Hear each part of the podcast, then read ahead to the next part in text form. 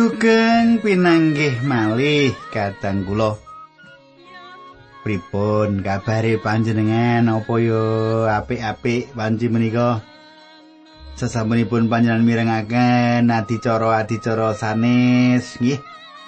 Sinambi ana sing bidang dhisik, sinambi leyeh-leyeh. Ngenteni Pak Puji sowan panjenengan pripun kabare menapa sae-sae?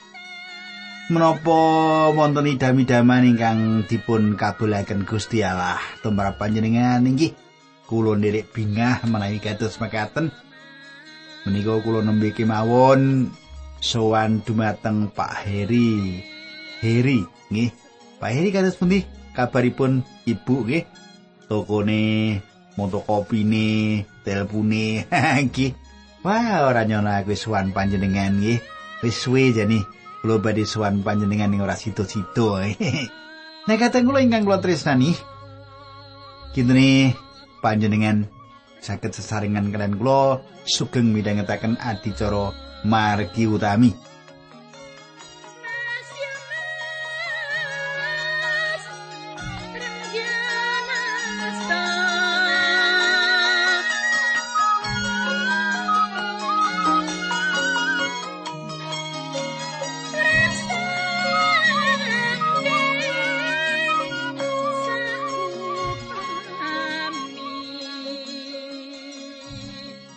Para pamirsa ing pepanggihan kepengker kula sampun ngaturaken perkawis Absalom. Anggenipun medhaya Amnon sederek kualonipun awit menapa? Awit wantun-wantun ngrodha peksa tamar rayinipun. Tasih kemutan panjenengan kadang kula perkawis menika ingkang kula aturaken nalika pepanggihan kepengker. Nah monggo kita tumungkul kita ndedonga sarengan nanging kula ngaturaken salam rumiyin nggih. Dumateng Bapak Susanto Subur nggih. Menika dusunipun Buga Kampung Laut nggih. Pak Susanto Subur kula sampun sowan panjenengan menika rupinipun nggih. Nah, monggo kita tumungkul kita ndedonga sarengan.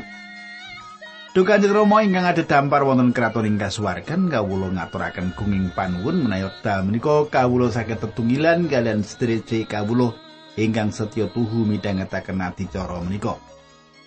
Kawula nyuwun Gusti berkahi kawula linambaran asmanipun Gusti Yesus Kristus kawula netunggal. Amin.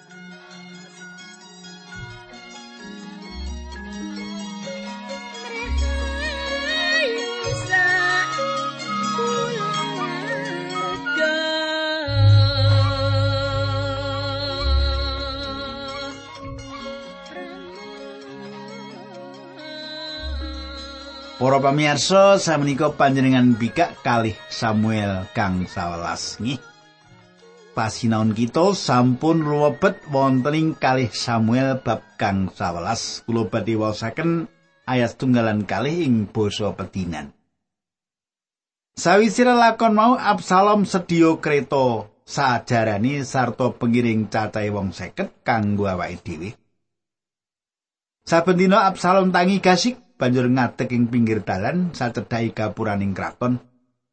Saben ana wong sing arep sowan raja ngaturake perkara diundang lan ditakoni. Kowe saka talar ngendi? Lan yen wong mau mangsuli saka talar iki utawa kuwi? Katang kula, kula sigek semanten yen kula badhe nyukani keterangan. Absalom ngadeg wonten ing gapuranipun kutha kangge mirengaken lan ngetingalaken anggenipun gadah kawigatosan dumateng para kawula. Ayat 3 sekawan gangsal 6.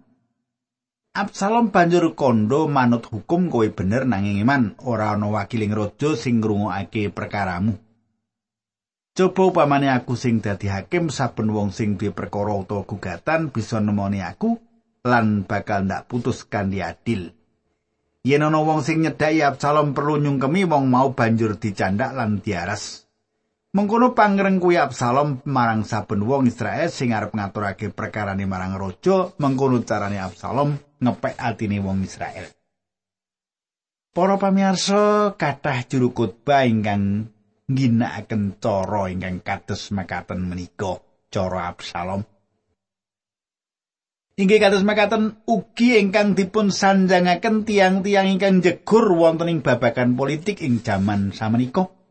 Emanipun kita purun mirengaken lan pitados lan nyukani swanten kita dumateng tiang ingkang kados makaten menika isa mong ora isa nglakoni. Nah, tiang ingkang kados makaten menika menawi sampun nyepeng panguwaos Mboten netepi menapa ingkang sampun dipun janjiaken nek wis ngerti ngono ora usah dipilih meneh.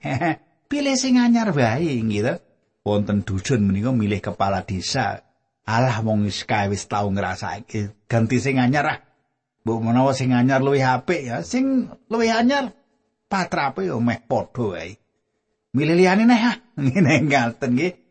Tinimbang terus-terusan kuwi nek ngerti apa ya dipilih terus nggih wonten Makaten kan nonton sing dipilih terus dadi majelis nek apik jadi dipilih wae. Ya kita.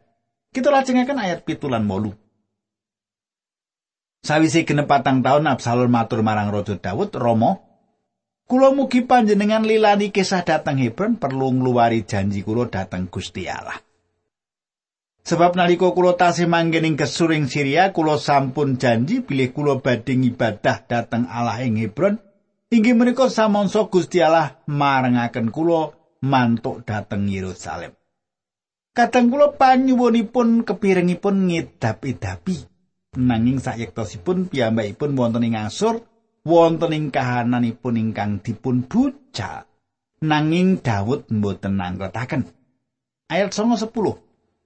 Dawe raja lunga ndak sangoni slamet. Absalom banjur mangkat menyang Hebron. Nanging sadurunge mangkat wis kongkonan nemoni talar Israel kabeh padha diweling yen kowe padha krungu suarane slumpet padha surak-surao Absalom wis dadi raja ing Hebron. Kadang kula cetok. Cetok Absalom boten kisah dateng Hebron netepi nasaripun nanging piyambakipun kisah dateng mriku miwiti pemberontakanipun. Ayat 11 Saka Yerusalem ana wong 200 sing ngiring Absalom menyang Hebron. Wong-wong mau ora ngerti apa-apa mulane senadan padha melu lunga ya tanpa gagasan apa-apa. Kadang kula tiang-tiang menika kisah kalian Absalom nanging tiang-tiang menika mboten mangertos bilih satunggalipun pemberontakan sawek dipun cawisaken kangge lumawan Daud. Ayat kali walas. Absalom banjur nyaosake kurban uga kirim kongkonan menyang kutha Gilo perlu ngundang Ahitofel sing dadi penasihati Raja Daud srana mengkono komplotan sing lawan Raja Daud mau dadi saya kuat mergo saya akeh sing melu Absalom. Para pamirsa. Pemberontakan menika mupangataken wekdal ingkang tepat. Kawiwitan saking tiang sekedhik lan boten dangu gunggungipun ageng lan tiang-tiang menika sami nyengkuyung Absalom, malah Ahitofel penasihatipun Daud dados mitranipun. Saderengipun Daud sadar menapa ingkang dumados pemberontakan menika sampun dumados. Ayat 13 ngantos 18. Sebanjuri ana wong sing nggawa kabar lapor marang Raja Daud tiang Israel sampun tumut Absalom. Daud banjur dawuh marang bature kabeh sing ana ing Yerusalem, "Ayo padha ngungsi, yaiku darane supaya bisa uwal saka Absalom. Ora suwe meneh Absalom bakal teka mrene. Ayo enggal budal." Aja nganti kita ketututan lan dikalahake sarta kabeh sing manggon ing kutha dipateni. Para pamirsa, Daud nglolosaken diri saking Yerusalem. Kenging menapa piyambakipun nglolosaken diri Daud remen dumateng kita Yerusalem? Kenging menapa piyambakipun mboten nyobi lumawan kangge ngegeki kutha menika? Daud mangertos bilih Gusti Allah sawek paring paukuman dumateng piyambakipun atas dosa ingkang sampun dipun tindakaken. Daud mangertos menapa ingkang sawak dumados atas badanipun. Daud mboten kepengin ningali kita ingkang dipun bangun lan dipun tresnani dados papan peperangan. Nanging kita menika kedah dipun ejur langkung tinimbang kita sanesipun awit pemberontakan lan dosanipun kata kula. Daud ugi mlajeng saking Yerusalem awit piyambakipun dereng siap mikak ing ngajengipun umum gegayutan perkawisipun kalian Absalom. Daud gadah kekajengan supados nyawa lare menika dipun milu jengaken. Piyambakipun boten kepingin dumados perkawis ingkang awon nempuh gesangipun Absalom. Ayat 19 kali dosa bareng peso Raja Daud banjur dawuh marang Itae wong Gat kumendani prajurit 600 mau yo gene kowe padha melu aku. Luwe becik padha bali lan manggon dadi siji karo raja sing anyar kowe rak wong manca pengungsi sing adoh saka negaramu dhewe. Kowe durung suwe manggon ing kene apa ya banjur tak kon lemboro bebarengan karo aku? Aku dhewe durung ngerti arep menyang endi lungaku. Kanca-kancamu sak bangsa jan Bali, muga-muga Gusti Allah tresnani kowe lan setya karo kowe. Kadang kula Itai menika tiang gat. Daud ngangkat piyambakipun dados senopati gabungan sesarengan kalian Yoab lan Abisai. Tiang menika saestu setya dumateng Daud kanthi mekaten piyambakipun kepingin sesarengan kalian Daud wonten ing papan pangungsen.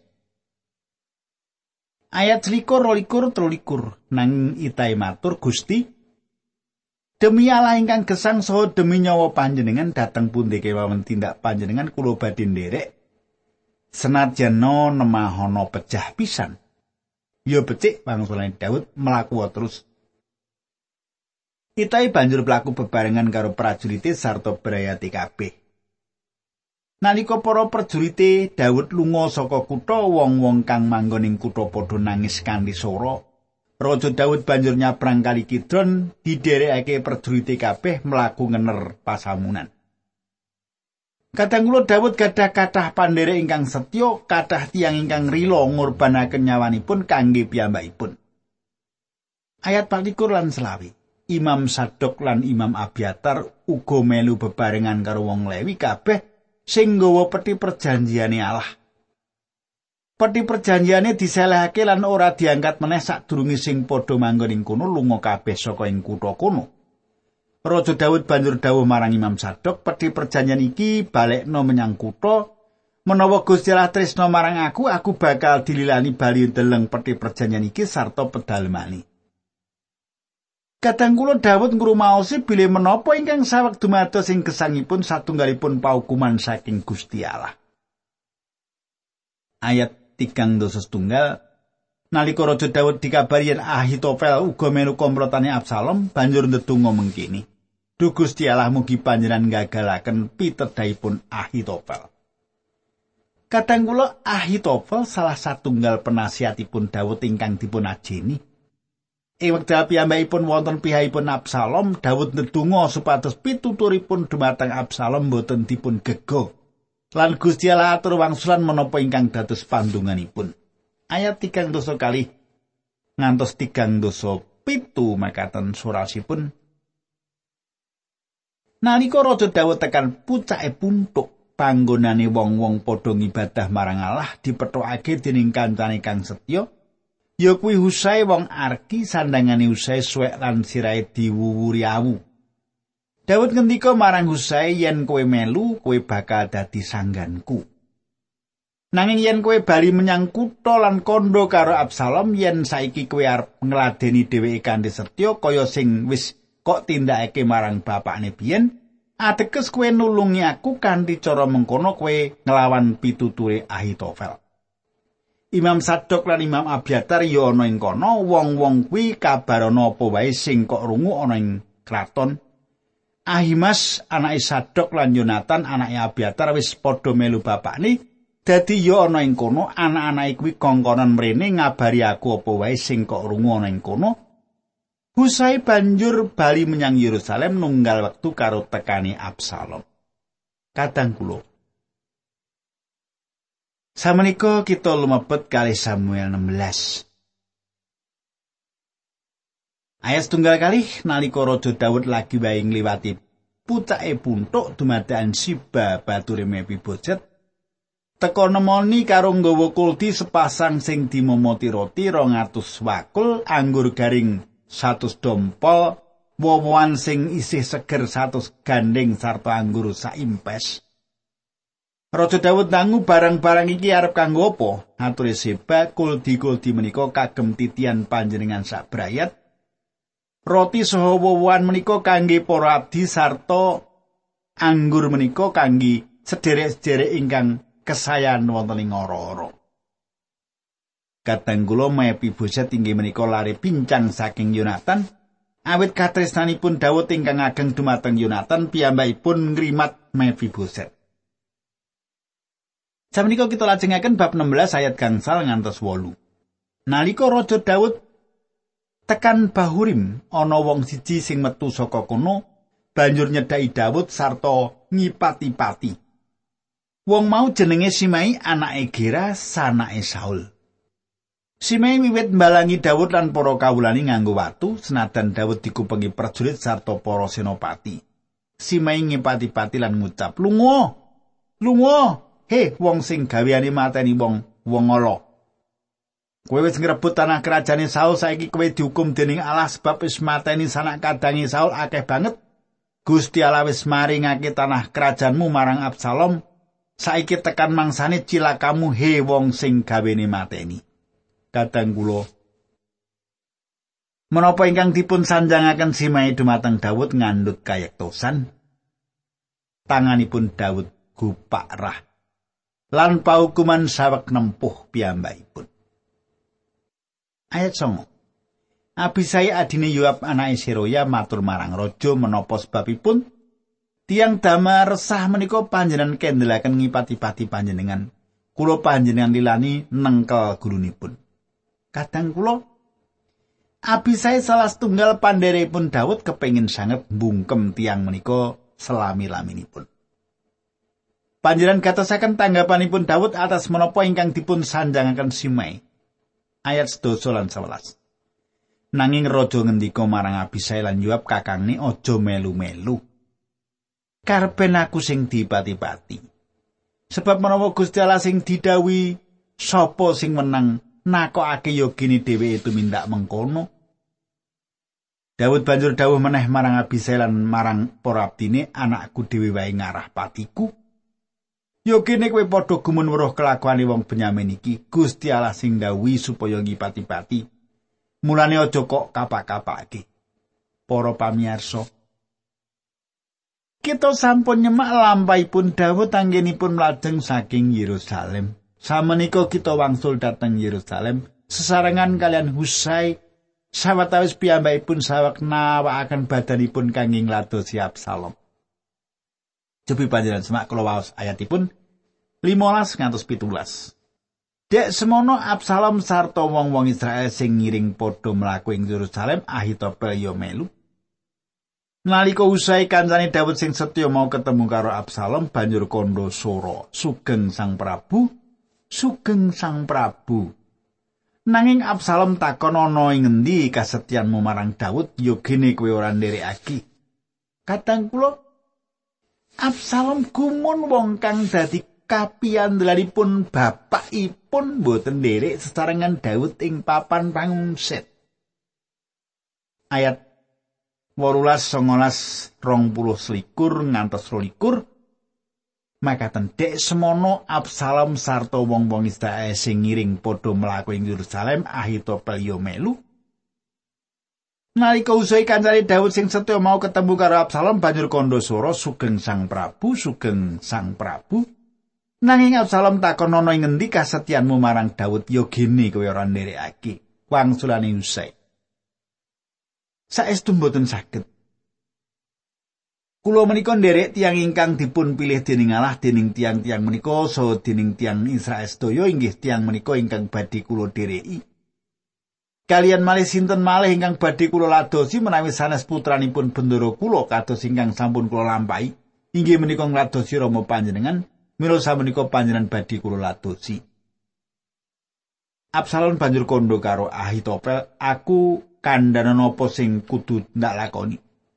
aturi ai topel. Kula aturi sare sesarengan kalian seleripun keng Romo ingkang dipun tilar nenggo kraton. Sedaya tiang Israel badhe sumerep. Bilih kanthi tumindak mekaten panjenengan badhe dipun anggap mengsah dening Sang Romo. Para panderek panjenengan badhe saya kendel. Dadine Absalom digaweke kemah ing payone kraton, wong akeh padha weruh yen Absalom mlebu ing kemah mau lan turu karo selir-selire amani. Ahitofel nyukani pitutur Absalom supados nindakaken satunggaling perkawis ingkang ngegirisi. Nanging menika gadah akibat ingkang jembar kangginipun rakyat. Ayat 23 ing wektu kuwi sarupaning rembuki Ahitofel ditampa kaya dene dawi Allah piyambak ya Daud utawa Absalom tansah manut pirembuki.